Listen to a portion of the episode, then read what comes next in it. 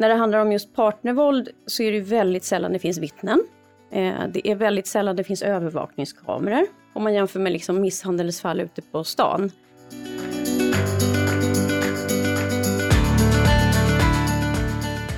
Eh, deras målsättning ändras från att jag ska få tillbaka henne till relationen till att jag ska förgöra henne. Finns det ingen relation så finns inte du. När det väl öppnar sig, att då står du där eh, som anhörig, eller vän, eller kollega, eller chef för den delen. Av 2021 års anmälda misshandelsbrott mot vuxna kvinnor begicks drygt 80 procent av en bekant. Statistiken kommer från Brottsförebyggande rådet som också fastslår att samma år blev 19 kvinnor mördade av sin partner eller före detta partner. Våld i nära relation är ett gigantiskt samhällsproblem vars konsekvenser drabbar kvinnor hårdast. Förutom fysiska skador från våldet drabbas utsatta av stress och psykisk ohälsa av både fysiskt våld och psykisk terror. Det här avsnittet handlar om våld i nära relation. De experter som medverkar berättar om hur våldet ser ut, hur det drabbar och vad den moderna forskningen säger om saken. Med oss har vi Lydia Kahn, rättsläkare vid Rättsmedicinalverket, Kylan Kaman, beteendevetare och forskare i ämnet våld i nära relation vid Karolinska institutet och vid Polismyndigheten, samt Marianna Dufort, forskare i ämnet våld i nära relation vid Karolinska institutet. Den som leder programmet och ställer frågorna är John Henslert och Johan Göransson är ljudtekniker. Då får vi presentera oss och Mariana, du får börja. Mm, Mariana Dufort heter jag och jag är forskare på Karolinska institutet, disputerade 2015 med en avhandling om våldsutsatta, konsekvenser och det mörkertalet och hjälpsökande beteende. Och de senaste åren har jag jobbat främst med stöd till praktiken vad gäller behandlings och riskbedömningsmetoder för våldsutövare och systematisk uppföljning. Och Lydia? Lydia Kahn heter jag, är rättsläkare på Rättsmedicinalverket på enheten i Stockholm. Jag har arbetat där sedan 2017. Och forskar lite också, men inte inom just det här området, men har en del forskning. Och Kilan? Mm. Kilan Kamman heter jag, är beteendevetare och eh, forskare anknuten forskare vid Karolinska institutet, disputerat med en avhandling om dödligt partnervåld, så det är det som jag framförallt forskar om, dödligt partnervåld och eh, partnervåldsutövare. Och sen till vardags så jobbar jag på Polismyndigheten i Stockholm. Vad kännetecknar partnervåld? Tänker att, okej, okay, man har ju våld generellt och det som man brukar prata om när det gäller partnervåld är att det är ofta än annat våld upprepas mot samma person och att det tenderar att eskalera över tid. Eh, men partnervåld kan ju vara allt från fysiskt, psykiskt, sexuellt, materiellt eller ekonomiskt våld mot en partner eller före detta partner. Kort sagt kan man väl säga att partnervåld kan ske både online och alltså IRL, om man ska mm, använda mm, mm. Moderna, det kanske inte är moderna termer längre. Är psykiskt våld eh, enligt nuvarande lagstiftning olagligt? I dagsläget skulle man säga att psykiskt våld är olagligt i den mån den får en medicinsk effekt. Det finns ju förslag, det finns ju andra länder som har gått eh, vidare eller gått längre när det gäller definitionen av psykiskt våld. Till exempel i Storbritannien har man kriminaliserat kontrollerande våld, till exempel. Och det har man eh, sneglat lite på här i Sverige och sett att både lagstiftning om grov kvinnofridskränkning och ofredande, de är, har visat sig vara otillräckliga för att fånga all typ av psykiskt våld som, som kan förekomma och man vill ju skärpa den lagstiftningen och komma åt framför allt den kontrollerande våldet. Och det är väl en sån remiss som är ute nu som riksdagen har godkänt eller ställt sig bakom, men som är lämnat till regeringen för beslut om vi tar våldet som helhet, där, både det fysiska och det psykiska, vad, vad är syftet? Vet man någonting om det? Vad är det vanliga syftet med partnervåld? Så här, man pratar om partnervåld som att det är väldigt homogent, som att det är liksom ett och samma fenomen alltid. Men, men det finns forskare, eh, inklusive mig själv, som menar på att nej, men det, det, är liksom, det finns olika typer eller det finns olika subgrupper av partnervåld eller partnervåldsutövare. Och de här olika grupperna då eh, kan ju skilja sig åt vad gäller syfte Eh, och vad ska man säga, riskfaktorer och liksom hur, hur det kan komma till uttryck och så vidare. Mariana, du vet ju väldigt mycket om det här också, men man brukar eh, man kan säga så här, det finns ingen konsensus om hur man ska dela upp de här. Alltså det finns ingen, man brukar prata om typologier. Och det finns ingen konsensus om vilka typologierna är, men, men man är ganska överens ändå om att det är heterogent och att det finns olika grupper. Och då, då finns det ju en eh, amerikansk eh, sociologisk forskare som heter Michael Johnson, eh, som man brukar säga Johnsons typologi, och den är ganska ve vedertagen ändå. Om man förenklar de här olika typologierna så, så, så kan man förenkla det till att det finns individer som utövar våld utifrån en situation som man misslyckas att hantera, som spårar ur. Och då kan det vara anledningen till det våldet. Alltså men det finns de som hävdar att all anledning till våld kan vara en form av att försöka återta makt över en situation eller över något annat, eller en partner. Och det är där de här skillnaderna görs i de här typologierna. Man brukar väga in vad är det för typ av våld, vad är anledningen till våldet? Och ibland kan man också koppla på vissa personlighetsdrag hos förövaren, eller den som utövar våld. Eh, och då har man å ena sidan de här situationerna, det situationella våldet som man kallar det, som då beror på olika situationer, säger man då, som, som då man inte kan hantera, man känner sig trängd och utövar våld, men det kan också vara att man har kommunikationssvårigheter eller svår känsloreglering, eller svårigheter med känsloreglering, som gör att man sen blir till exempel fysisk istället för att fortsätta. Eh, man kan också bli verbal aggressiv. Och sen finns det i stora drag den här andra gruppen som inte utövar våld utifrån en situation eller händelser eller konflikter, utan snarare utövar våld för att kontrollera sin partner. För att man kanske anser, eller av andra skäl, utövar makt och ska, vill bestämma över den andra personen. Och den, den typen av våld brukar man kalla för maktkontrollvåld. Intimterrorism förekommer också som begrepp. Och eh, den skiljer sig åt i att den ofta beskrivs och upplevs som konstant och latent. Den finns där hela tiden på olika sätt. Och även om man inte är väldigt våldsam eller aggressiv så kan det räcka med en blick, det räcker med en attityd eller någonting och så sätter man sin eh, partner på plats två huvudtypologier som du beskriver här. En är att man vill kontrollera en situation eller en händelse. Den andra är att man vill kontrollera en person. Ja, de här är de stora, ganska vedertagna ändå skillnader man gör inom gruppen och den uppdelningen man gör för att försöka förstå och också för att man har förstått och forskning har visat, bland annat Kilans forskning, att det kanske behövs olika strategier att hantera olika typer av våld. Den här kontrollerande våldet och maktkontroll och det här som är situationsbundet våld. Men eh, sen finns ju de som hävdar att det egentligen allting är samma sak och att det är en grad av eh, och så. Hur vanligt förekommande är partnervåld? I Sverige då får vi väl ta, antar jag. Mörkertalet är väldigt stort. Tittar, på, tittar man på kriminalstatistik så antar man att där finns en underskattning av fallen på ungefär 75 procent enligt Brås uppskattningar eh, av de fallen som anmäls. Tittar man liksom på befolkningsstudier så gjorde ju Nationellt centrum för kvinnofrid för några år sedan nu i och för sig en studie eh, där man delade ut en enkät till 10 000 män och 10 000 kvinnor, tror jag att det var. Och eh, där såg man att det var ungefär det var 60 procent av kvinnorna som uppgav att de har blivit utsatt för någon form av partnervåld efter sin, är det 15 års... Jag tänker också Brå genomförde en kartläggning. Ja, på årsbasis. På årsbasis. 6,7 procent män och 7 procent kvinnor. Men det var det senaste var året ja. Men det var ju 2012. Det var 2012 och, det, och den publicerades 2014. Sen dess har de inte gjort Men det jag såg senaste året. Ja, och det här 2012. var 2012. Och samma rapport visade att 2,2 procent utav kvinnorna hade varit utsatt för fysiskt våld och 2 procent utav männen för fysiskt våld under det här året, studieåret då som var 2012.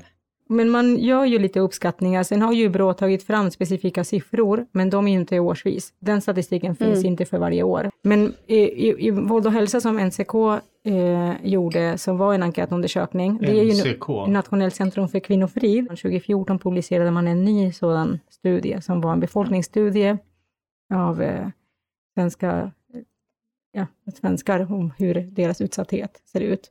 Och eh, där kunde man se att var femte kvinna och var tjugonde man hade någon gång i sitt liv utsatts för allvarligt sexuellt våld. 14 procent av kvinnorna och 5 procent av männen hade utsatts för fysisk våld eller hot om fysisk våld av en aktuell eller tidigare partner.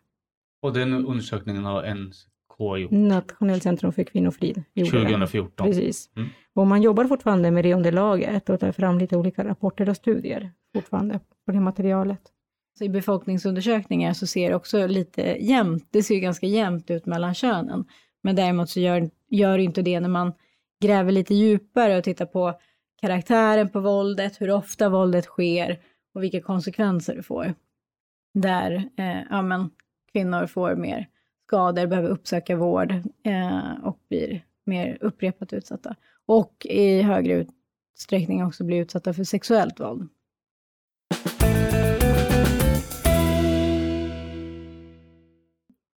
När ska man lämna en relation som är på väg att urarta i våld?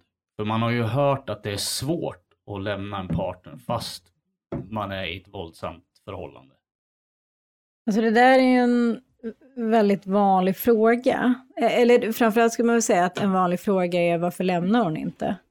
Eh, och jag skulle säga att en, det finns ju många anledningar. Det är ju svårt att, det finns massa anledningar till det. Det kan ju finnas ett känslomässigt och ett eh, ekonomiskt eh, beroende. Man kan ha barn tillsammans som gör att man inte vill lämna för att man är rädd för att barnen kommer liksom vistas själv med den här gärningsmannen då och att man inte litar på det och då är det lättare att vara kvar för då har man liksom koll ändå. Man är med hela tiden och man kanske också hellre tar smällarna själv än att barnen blir utsatta och så vidare. Så det, det finns ju jättemånga aspekter på det här, eh, men jag skulle säga att en aspekt som man ofta glömmer, det är ju att risken ökar för väldigt allvarligt eller dödligt våld i vissa relationer. Vi vet att det är en omständighet som ökar risken för dödligt våld, att lämna en kontrollerande och våldsam partner. Så att det kan också vara en liksom, riskbedömning som de här utsatta kvinnorna själva gör, att det är säkrare att stanna där och då än att lämna.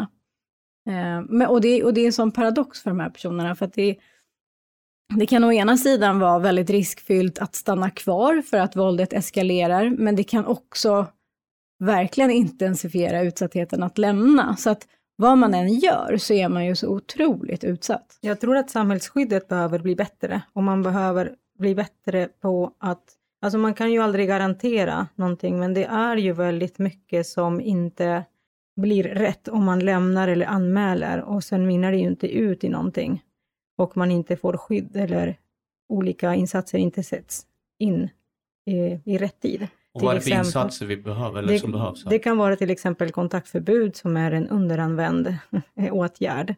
Det är ju inte liksom lösningen på allt, men det finns ju idag en del åtgärder man skulle kunna vidta som inte vidtas, som olika undersökningar visar att man har brustit. Om man brister till exempel i att göra riskbedömningar, att göra en ordentlig skattning av det, att förmedla det, att göra bra övergångar mellan olika och samverka med andra vårdgivare och så vidare. Men konkret, då, vilka stöd finns här?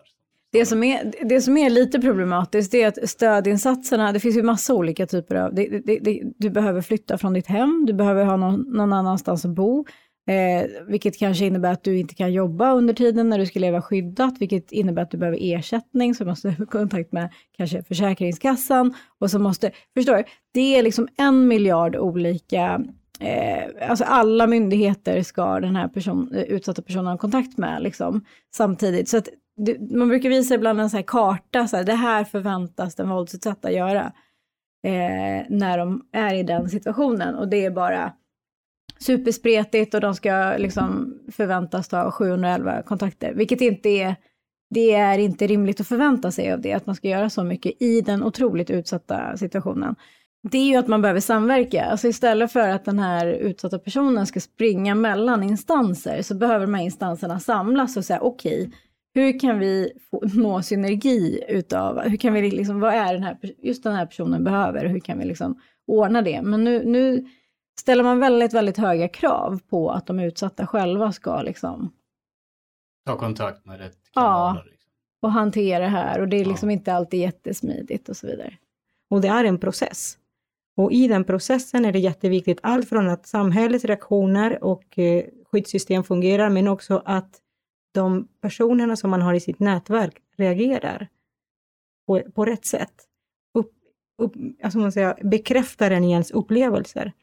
Det finns också personer som kanske närmar sig vänner i sin omgivning och omgivningen uppmuntrar till att man ska vara kvar i relationen, att man inte ska skilja sig, att det finns olika uppfattningar om relationer och när man har barn och hur man ska hålla ihop, som också kan påverka individen att ta nästa steg. Så det informella nätverket är ganska viktigt inför nästa steg också, att ta kontakt med formella nätverk eller institutioner och vårdgivare. Men om vi säger så här då, eh, någon brukar våld i förhållandet, känner ånger, för det verkar vara vanligt, och lovar att det här kommer inte hända igen. Kan man lyssna på det? De allra flesta fall man har läst om och som har framkommit i forskning verkar inte sluta där. Våldet slutar inte när någon bara ångrar sig. Det är det vi får signaler om utifrån vad man ser i forskningen. Å andra sidan så är den underlaget som man ser i forskning ofta personer som också har blivit fortsatt utsatta och finns i olika eh, urval av studieunderlag. Eh, så den statistiken blir sned på grund av det naturligtvis? Det kan, det kan bli, alltså med den reservationen så skulle jag ändå säga att det är en stor varningsklocka. Sen är det klart att det ska inte förmildras på något sätt och det finns ju andra saker som ofta händer innan dess som handlar om en psykisk eller ett nedbrytande beteende gentemot eh, partnern. Och den smyger sig på och den, är, känns, den beskrivs ofta som ganska osynlig. Och det är den som gör att när det väl händer någonting som till exempel fysisk våld och det eskalerar eskalerat i det, då är kanske den, den personen som utsätts redan nedbruten, kanske fått mera, ett sämre självförtroende, känner sig mer isolerad, eh, inte lika nära till hands att prata med vänner och familj. Och som gör det också lite svårare att begripa vad det är som händer och placera det i, som en våldshandling. Eller som den andres ansvar. Man kanske ser det som sitt eget ansvar på olika sätt. Så det finns väldigt mycket som händer. Det finns många olika det finns lika många olika exempel som det finns antagligen relationer i hur det kan vara och därför går det inte att säga om den här handlingen händer, då ska man gå. Men man ska vara vaksam och tänka, kan jag vara mig själv? Kan jag fortsätta att vara den jag var innan jag kom in i den här relationen? Ja, kan jag fortsätta att träffa samma personer? Känner jag mig begränsad i det? Har jag behövt förändras för att behålla den här personen i mitt liv? Mm då bör man fundera på vad det är i relationen som inte är så bra. Jag tänker, jag tänker oavsett om det handlar om våld eller någonting annat så är det ingen bra utgångspunkt att vara med någon som man tänker att man ska vara med om den ändras.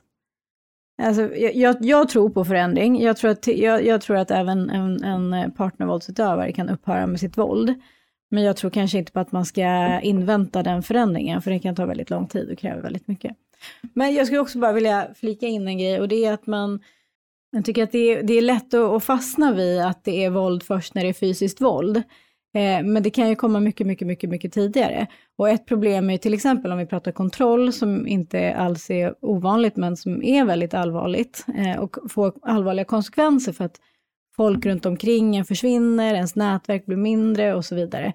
Ehm, det är ju att kontroll, framförallt skulle jag säga, kanske i yngre relationer, att det kan misstas för romantik. Alltså, att det är någon som ringer hela tiden och är väldigt uppvaktande och som erbjuder sig att komma och hämta upp dig efter skolan eller efter jobbet, vill följa med när du ska käka med dina kompisar. Alltså det kan ju till en början vara jättesmickrande och härligt och gud vad han är investerad. Eh, eller hon för den delen. Men, men eh, det kan potentiellt vara en varningsflagga. Säg inte att man ska lämna där och då, men man ska dra öronen till sig. Vad får det här våld, både psykiskt och fysiskt, vad får det för psykologiska konsekvenser för den som utsätts? Ja, men inom, inom rättspsykologin bland annat så pratar man om eh, att det finns en särskilt utsatt grupp för, för, alltså av de som blir utsatta för brott, så är de som blir utsatta av en närstående en särskilt utsatt grupp. Eh, och av olika skäl, bland annat att, precis som vi har varit inne på, att det ofta är en upprepad utsatthet, vilket innebär att då får de här personerna ingen fredad plats att liksom läka och bearbeta det de har varit med om innan en ny händelse sker, och en ny och en ny, så att det blir liksom ackumulerad utsatthet liksom, innan man hinner reda i det man har varit med om. Eh, men sen också att, att, det, att, man, att de här utsatta personerna inte har någon fredad plats. Liksom. det som ska vara ditt trygga hem är ju också det där du är som mest otrygg.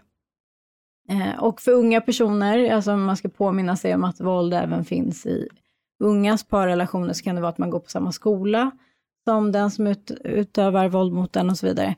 Och sen, som vi, vi har varit inne på det också, där just att det kan finnas ett beroendeförhållande till den som utsätter den, alltså ekonomiskt eller emotionellt, eh, bland annat. Mm.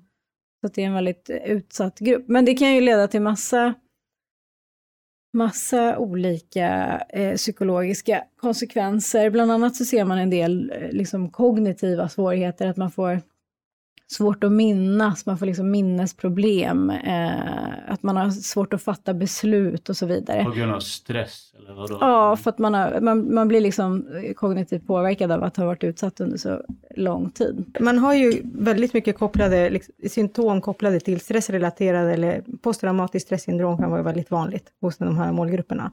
Eh, och stressrelaterade symptom eh, som minnesförlust, sömnsvårigheter. Det finns väldigt mycket och det ser väldigt olika ut, men man ser att det finns tydliga, eh, tydliga skillnader om man jämför en våldsutsatt grupp med det som man kan förvänta sig kan vara ett mående i allmänpopulationen eller normalpopulationen, som då är normalutsatt eller inte utsatt.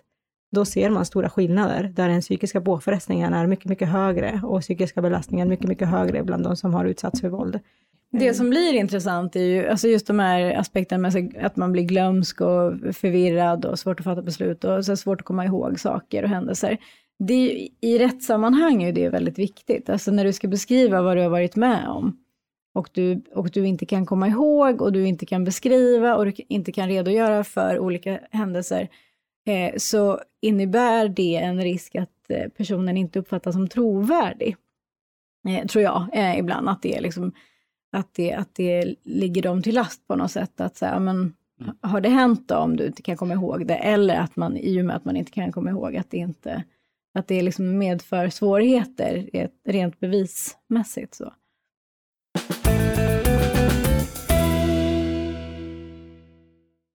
Ja, jag tar den segwayen här över till när det gäller rättegångar och så. Där finns något som heter rättsintyg som kan eh, användas som bevis för vad som har hänt.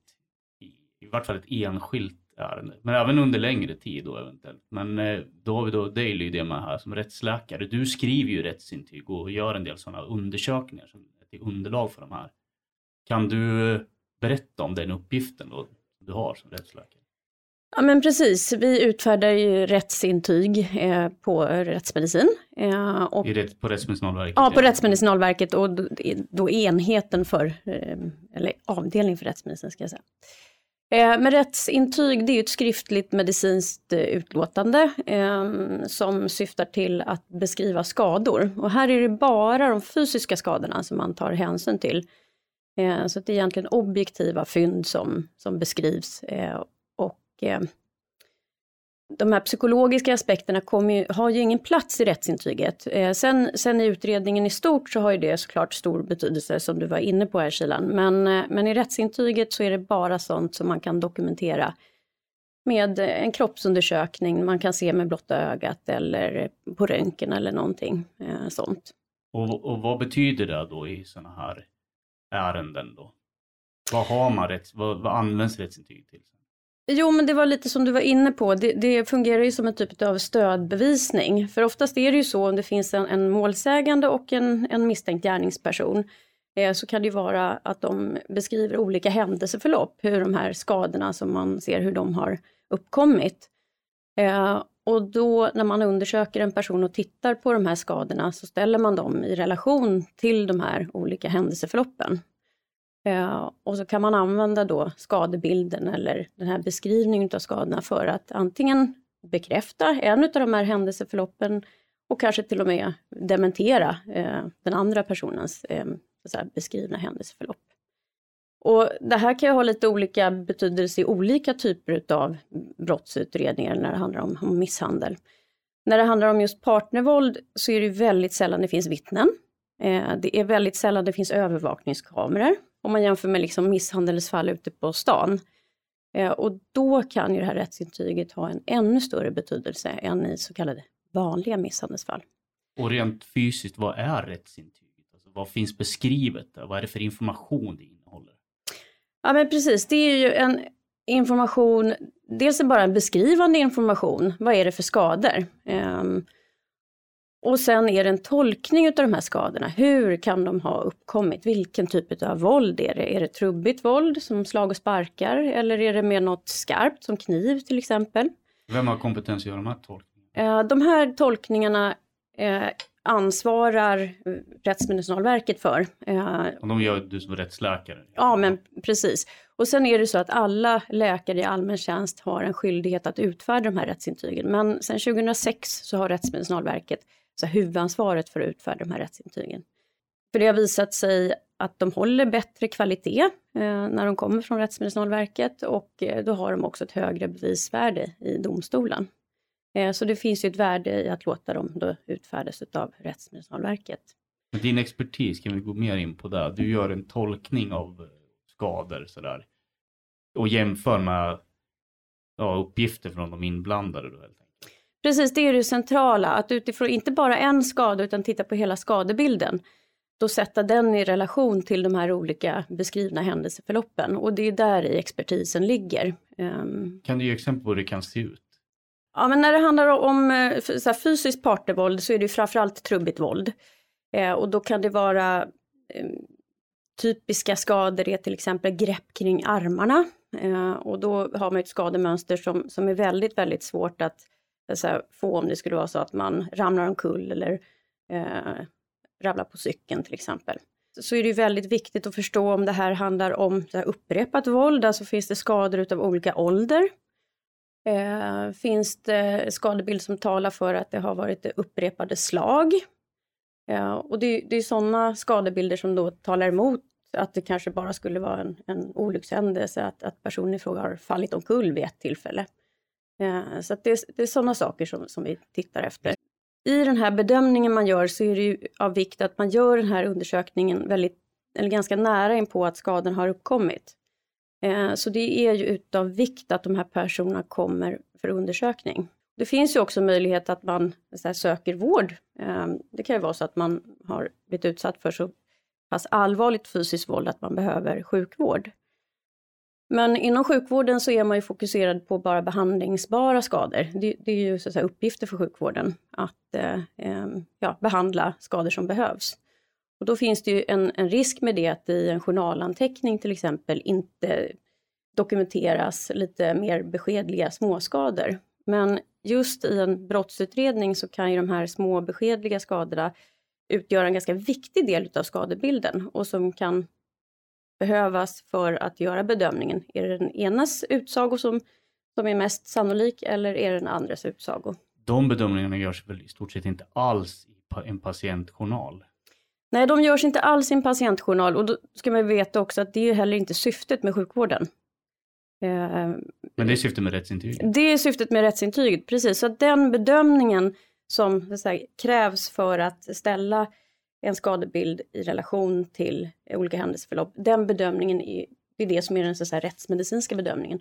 Och den finns ju inte inom sjukvården. Men det är heller inte så säga, syftet. Nej precis, mm. men i, i, en, så, i en rättegång så är som bevis, stödbevis då, som du sa, så är ett rättsintyg bättre än en patientjournal i regel. Absolut. Ja, mycket, mycket bättre. Därför att eh, en patientjournal är inte skriven för rättsväsendet eh, och i en patientjournal saknas hela den bedömningen. Man svarar inte på frågorna? Man svarar inte på de frågorna, nej. Som rätten vill veta? Nej. Och det krävs ju också en expertis, expertis, ska jag säga, att göra de bedömningarna och den expertisen finns ju främst på Rättsmedicinalverket. Men så, som, en som är utsatt för våld måste inte åka till en av våra sex rättsmedicinska enheter för att få den här undersökningen. Utan man kan åka till vårdcentral också, eller hur? Ja men precis, man, man kan ju få en, en så kallad skadedokumentation, alltså en, en kroppsundersökning eh, i syfte att, så att säga, ligga till grund för ett rättsintyg. Eh, antingen så kan ju polisen begära den eh, undersökningen och då är ju alla läkare i allmän tjänst är, är skyldiga att ställa upp och att göra den undersök eller eh, utföra den undersökningen. Men sen kan ju en, en patienter också med, komma till vårdcentralen med önskemål om att få en, en, en skadedokumentation. Eh, men, men vad man har sett är ju då att det håller inte riktigt lika hög kvalitet. Det, det är lätt att missa en del skador. Men dokumentationen kan komma och hamna hos en rättsläkare som det är ju, eller hur? Där du gör bedömningar kring skadan, även om du inte gjort undersökningen. Precis, det vanligaste, nu utfärdar vi i Sverige eh, drygt 4 000 rättsintyg per år. Eh, och det vanligaste underlaget för de här rättsintygen, det är ju journalanteckningar. Det är ju inte en kroppsundersökning utav den som har blivit utsatt. Och sen gör du dina bedömningar på dem, på journalanteckningarna. Ska jag säga. Precis, då görs eh, bedömningen utifrån journalanteckningar och bilder. Ibland inkommer det också bilder från polis. Polis har varit kanske på plats tidigt och tagit fotografier. Och så gör man bedömningarna utifrån eh, ja, men det underlaget helt enkelt. Händer det att du gör, skriver rättsintyg på undersökning av en gärningsperson också?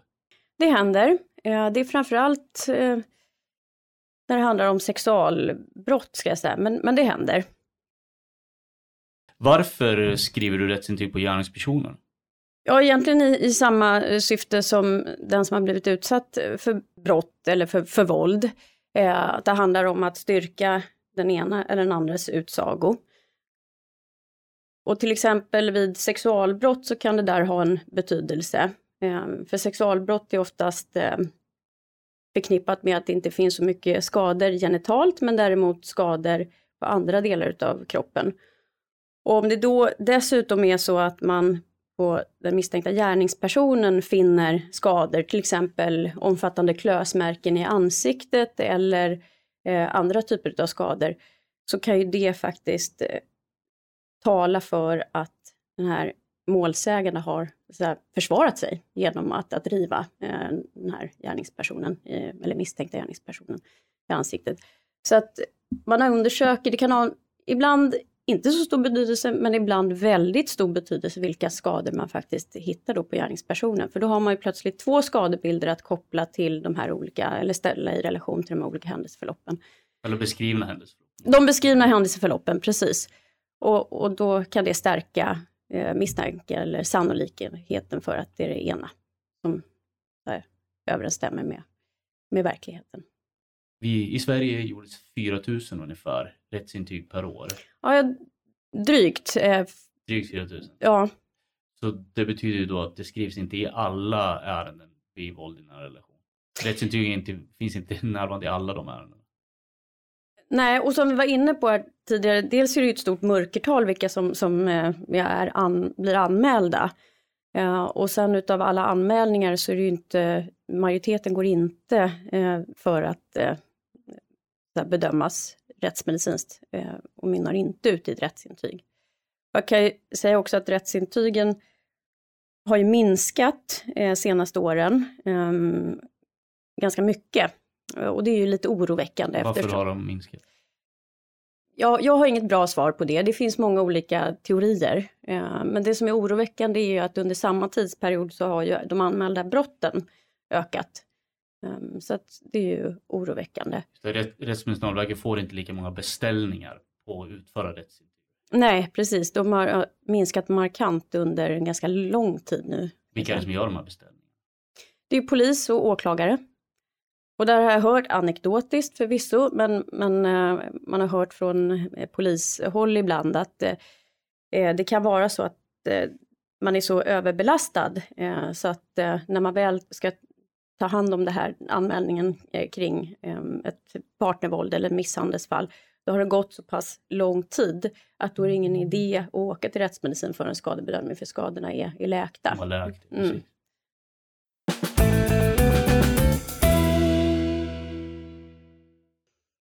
Okej, jag tänkte vi skulle prata lite grann om dödligt partnervåld. Du Kilan har ju forskat en del på det.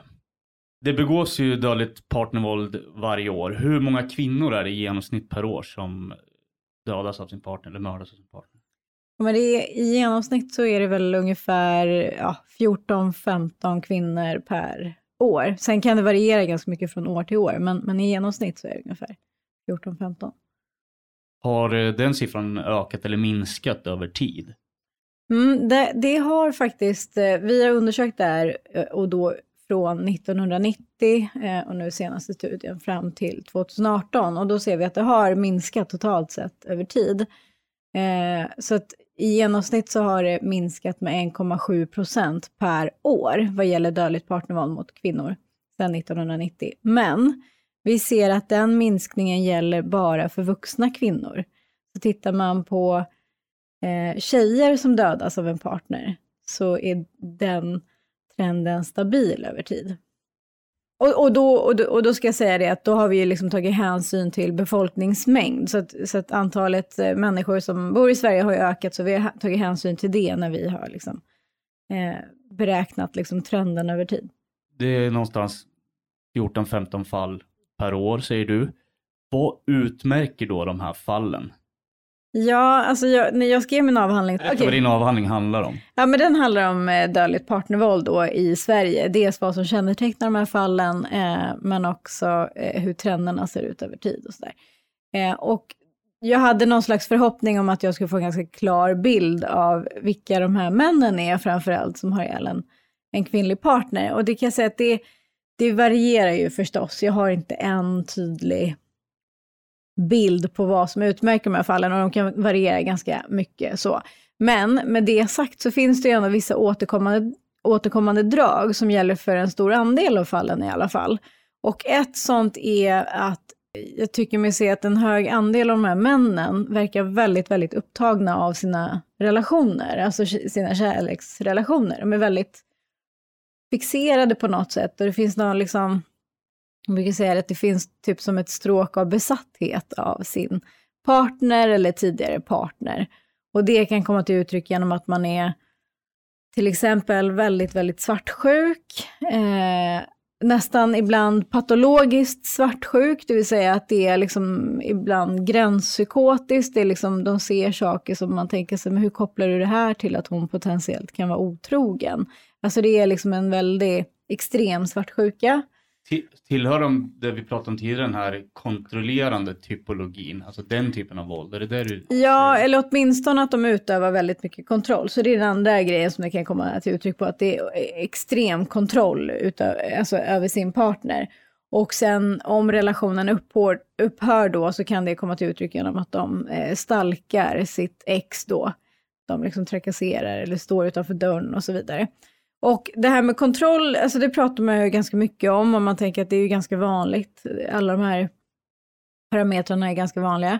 Men den, det, det, är nog graden av kontroll som sticker ut eh, i de här ärendena och även graden av svartsjuka. Alltså det är verkligen extrema nivåer så.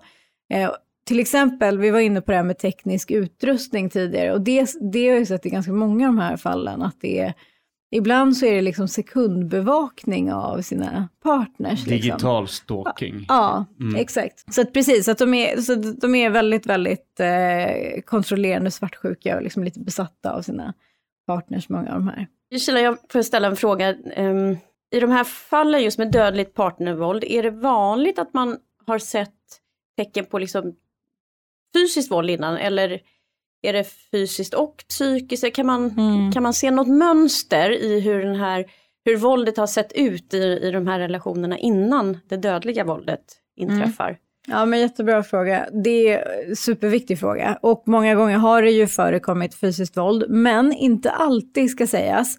Och sen är det lite svårt för att man går ju tillbaka och försöker backtracka och det är liksom utifrån offentliga handlingar. Och så, så att, eh, kvaliteten på underlaget är kanske inte det bästa. Vi kan inte säga om det inte står om tidigare våld i underlaget, alltså det är ju förundersökningsprotokoll och domar och rättspsykiatriska eh, undersökningar och så. Om det inte står om våld så betyder det inte att det inte har förekommit, men man kan ändå få en känsla för i vilka ärenden det har förekommit våld och inte. Och det finns en andel ärenden där det faktiskt inte verkar ha funnits fysiskt våld, men däremot så är det väldigt, väldigt mycket eh, psykiskt våld. Så det psykiska våldet och kontrollen är, är väldigt förekommande och det är det som är väldigt framträdande också och som kanske tenderar att liksom eskalera eh, innan. Det är väl ett lite så viktigt medskick att man ska, inte, man ska inte haka upp sig på att det ska ha förekommit fysiskt våld och man ska inte heller haka upp sig på att det ska vara fysiskt våld som eskalerar. Jag kan ibland uppleva att det finns en liksom föreställning och en stereotyp kring hur det här högriskärendet ser ut och när man ska liksom tänka att men nu är det hög risk för dödligt partnervåld. Eh, och, och, och, det förstår jag varför man gör, men, men jag ser ibland att det stämmer liksom inte helt överens med det underlaget som vi ser. Finns det något sådant samband här med dödligt partnervåld och att det händer när man har separerat, man har lämnat sin partner? Många gånger så gör det ju det.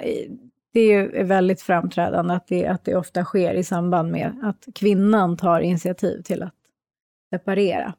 Och då många gånger, man brukar säga att, eller det finns ju vissa kartläggningar som visar att i regel eller i genomsnitt så försöker en kvinna lämna en relation, destruktiv eller våldsam relation, sju, åtta gånger innan hon lyckas. Liksom. Så det kan innebära att det här paret också då har, eh, och det ser jag också i, i eh, när jag går igenom förundersökningar, så att, att de har separerat tidigare. Så att eh, först när de separerar så kan det ju vara att mannen försöker få tillbaka kvinnan. Att ja, men det här är ytterligare en gång, nu ska, nu ska jag försöka få relationen intakt igen.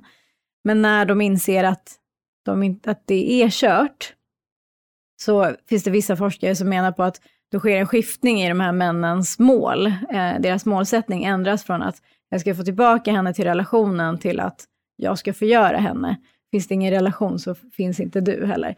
Och, och man kan ju säga det också att många av de här, alltså en ganska stor andel av de här eh, gärningsmännen tar ju livet av sig själva också i samband med gärningen. Så.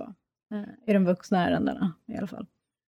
I ett våldsamt förhållande, vad krävs för att den utsatta ska lämna förhållandet och det ska gå bra? Det, ska, det slutar inte med dödligt partnervåld. Det är en stor fråga, svår fråga. Eh, ja, rätt hjälp från, med tillräckligt skydd och skyddsåtgärder från eh, till exempel polis och socialtjänst och så vidare. Och att man genomför riskbedömningar så att man överhuvudtaget vet att det är en hög risk för dödligt partnervåld i vissa ärenden om det skulle vara så. Vem genomför riskbedömningar? Eh, ja, men polis och socialtjänst ska genomföra strukturerade riskbedömningar. Men jag har ett litet medskick. Jag tänker att eh, en viktig del för att kunna lämna en eh, våldsam relation, det är ju att många av de här personerna har ju Eh, kommit ifrån sitt kontaktnät, både med, från anhöriga och från vänner och ibland från kollegor. Man är, man är i ett vakuum som utsatt, att man har liksom inte så många människor omkring sig. Och det är väl ett medskick att om man har en anhörig som man misstänker eller vet är utsatt, det, det kan vara väldigt, väldigt svårt och frustrerande och att man känner liksom frustration över att den här personen inte lämnar. Och mitt medskick då är att man ska stå kvar i relationen ändå och att man kanske inte ska trycka på, men man ska finnas där och man ska lyssna. Och då kanske det är lättare för den här personen att ta kontakt när det där fönstret av mottaglighet att faktiskt lämna, när det väl öppnar sig. Att då står du där eh, som anhörig, eller vän, eller kollega, eller chef för den delen. Och ger skydd och Ja men precis, råd, och, ja, men, ja, och hjälper den personen och så kan man liksom ta det därifrån beroende på de omständigheterna. Det, det, det kan ju se väldigt olika ut, det är inte alltid kanske man behöver skydd så eh, heller. Mm. Jag håller med. Jag tänker också att det är viktigt att samhällets skyddsinsatser fungerar. Eh, vi har idag en socialtjänst som har ett ansvar att erbjuda stöd och hjälp till personer som har varit utsatta för brott i nära relationer. Och det, det är ju också en tolkningsfråga i mötet med en individ, vad det är för typ av stöd och hjälp de behöver. Ibland, vi pratar mycket om att göra strukturerade riskbedömningar, de görs ibland alltför sällan. De bedömningar som finns kan ju ha varierande kvalitet. Det finns också eh, behov av forskning, mera forskning på vad, på mer träffsäkra stöd och metoder. Men man ska inte glömma att, att lyssna på den utsatta är jätte, jätteviktigt. Om en utsatt person uttrycker rädsla och en hög risk, upplevd hög risk för att bli utsatt för våld, då ska man lyssna på det. För forskningen visar att det är en viktig prediktor eller en viktig liksom, kännetecken för en hög risk för framtida utsatthet. Det är en korrelation.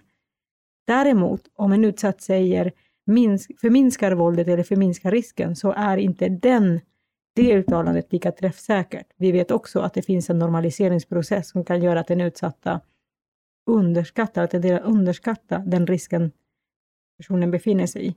Men det är viktigt att samhället lyssnar på när personer upplever att de är en hög risk för att utsättas, att de är rädda för sin partner. Och idag fungerar inte det som vi vill. Det fungerar inte trots att man ibland uttrycker detta för professioner, att man faktiskt sätter in åtgärder och försöker, eller har tillgång, får tillgång till, till tillräckligt bra stöd och skydd från mm. samhället. Och det behöver fungera bättre. Du Kilan har ju forskat också om eh, partnervåld i unga parrelationer. Vad visar den studien och den forskningen? Mm. Ja, men vi är mitt uppe i analyserandet och har inte slutredovisat våra resultat i Jämställdhetsmyndigheten. Men jag kan säga lite kort bara vissa highlights. Och det här är ju då forskning som eh, jag bedriver tillsammans med en kollega från Mittuniversitetet som heter Sara Skott då, som är docent där. Eh, nej, men det, det, man dels kan säga, det är just det här med att eh, när man har pratat om partnervåld, men även eh, dödligt partnervåld, så har man pratat om det väldigt mycket utifrån att det är något som drabbar vuxna. Alltså det har funnits ett väldigt vuxenfilter på det här. Um, och man har liksom haft kanske en stereotyp bild av att det är liksom medelålders par ofta och så vidare. Men då ville vi titta hur vanligt det var att det drabbade även eh, den yngre populationen eller yngre eh, personer. Och framförallt tjejer då. Eh, Under vilken ålder? Ja, men, och då är det eh, brottsoffer som är 25 år och yngre. Eh, och då kunde vi se att det, det yngsta brottsoffret var 15 år, så mellan 15 och 25. Och tittar vi på det, då var 97 procent kvinnor, eller tjejer ska jag säga. Så det är extremt ovanligt att tjejer har ihjäl en kille som de är tillsammans med eller en man som de är tillsammans med. Det är dödligt partnervåld. Ja, exakt. Precis. Så 97 procent är, är eh, tjejer då. Det kan man säga. Och sen kan man säga att eh, när man tittar på incidensen, det vill säga antal fall per 100 000 invånare, så är det väldigt likartat mellan eh, vuxna och unga brottsoffer. Eh, så att, så att det är inte ett vuxenfenomen, kan man väl säga. Och det andra som vi har hittat är just att det inte minskar över tid, till skillnad från dödligt partnervåld mot kvinnor. Så att det här är ju, det kan ju också tyda på att vi faktiskt behöver bli mycket bättre på att anpassa våra nuvarande liksom förebyggande insatser och interventionsinsatser till en yngre målgrupp, för den verkar inte riktigt passa för de yngre. Brå hade till exempel eh, intervjuat vissa yngre personer som eh, uppgav att de inte kände igen sig i information på liksom, myndigheters hemsidor, att de kunde inte alls relatera till, till det som beskrevs som liksom, partnervåld och så. Och då tänkte de, vissa av dem att ja, men då kanske inte jag är utsatt, då kanske inte det här är våld. Liksom. Och jag tänker att det är ju en väldigt... Att det är fullt normalt. Ja, precis. Att det är, I och med att jag inte kan känna igen mig så kanske inte det gäller mig, då kanske inte jag är utsatt och så vidare. Eller andra tankar. Nej men så att, så att eh, det är väl korta, korta highlights och en till eh, eh, liten highlight kan jag bjuda på och det är ju att eh, separation har väldigt hög betydelse i just de här ärendena. Att vi ser att separation som motiv är generellt ganska vanligt förekommande i, vid dödligt partnervåld, men särskilt mycket i när det är yngre personer som dödas då. Och vad är snitt per år här då? Hur många, för det var ju bara kvinnor i stort sett sa du, hur många är det per år? Ja, men det är ju eh, ett par per år. Som är under 25 då? Ja, precis. Mellan 15 och 25.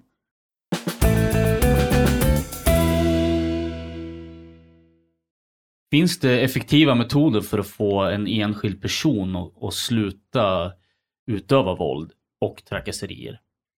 Ja, det finns en rad olika behandlingsmetoder och insatser som eh, finns i forskning och som har viss evidens eller som har studieresultat som visar på positiv utveckling. Eh, men det är för lite forskning för varje enskild behandlingsmetod för att man ska kunna rekommendera något särskilt.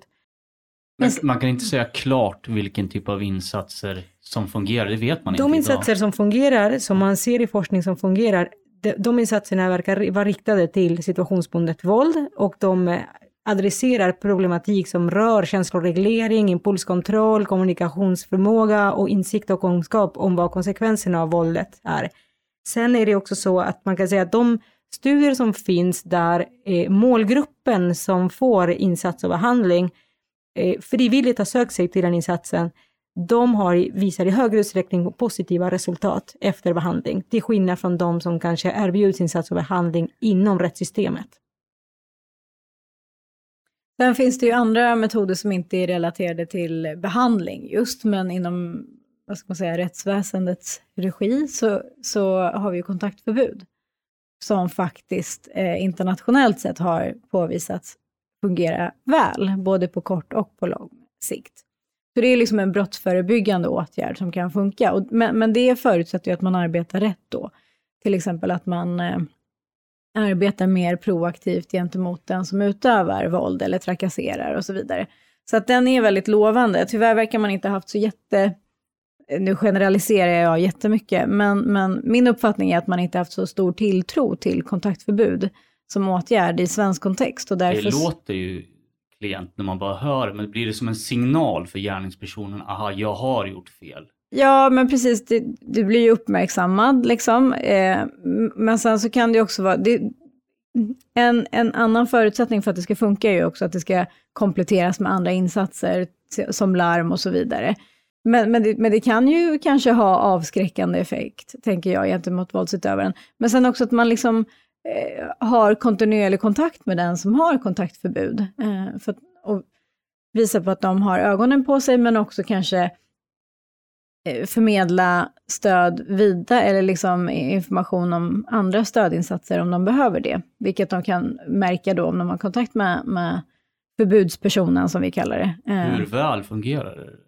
Ja, men, kontaktförbud? Det beror på vilket land. Sverige vågar jag inte svara på, men internationellt sett så har man ju sett att det, det kan, alltså använder man det rätt så, fun- så kan det funka väldigt väl, både på kort och lång sikt. Man rör sig mer och mer mot att rekommendera att man jobbar också parallellt, både med utsatta och utövare för bäst effekt. Dels till liksom att man sätter skyddande åtgärder och de insatser som kan behövas för den utsatta, samtidigt som man ger insatser till våldsutövaren.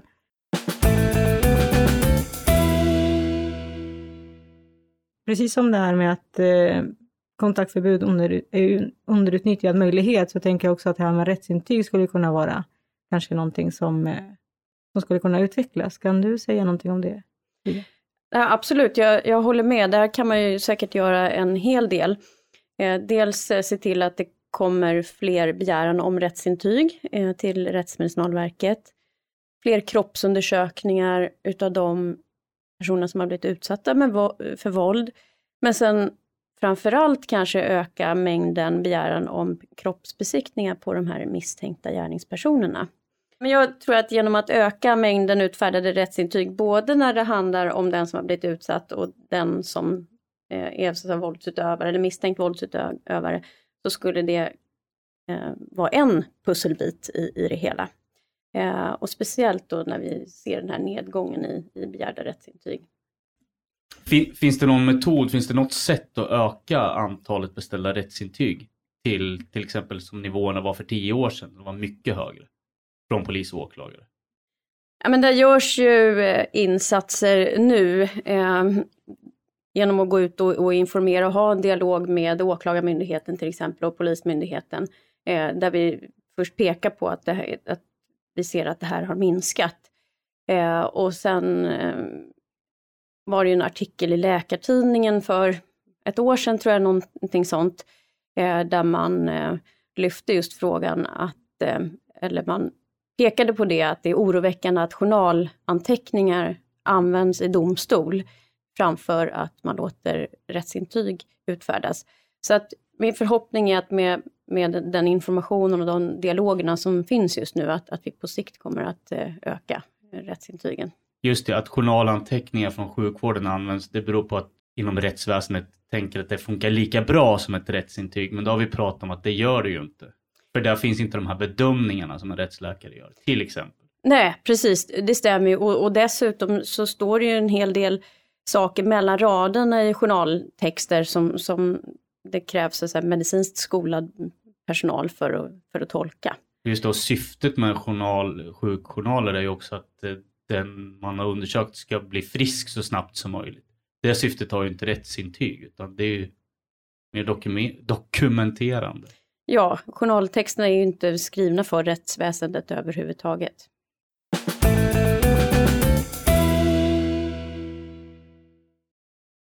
Ja, men eh, framöver, det verkar ju behövas mera studier och mer forskning, så vad, vad tror ni det kommer rikta in sig på för att eh, komma till rätta med alla de här problemen? Både dödligt partnervåld och partnervåld överhuvudtaget.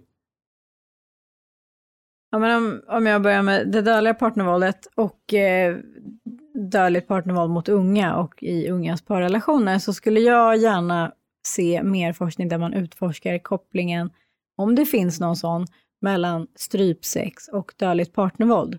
Och överhuvudtaget liksom kopplingen mellan strypvåld och dödligt partnervåld. Och det har ju börjat uppmärksammas allt mer just att, att eh, strypsex blir mycket vanligare bland unga och sådär. Och, och jag tror att det då kan finnas en föreställning om att de fallen som är de unga, det är liksom strypsex som har, som har spårat ur så att säga. Och det är frågan om det är så eller inte. Finns det någon sån koppling? Och i så fall, hur stark är den kopplingen? Jag tror det är viktigt också, jag tänker det finns ju behov av forskning på många olika, vad ska man säga, olika, på olika plan.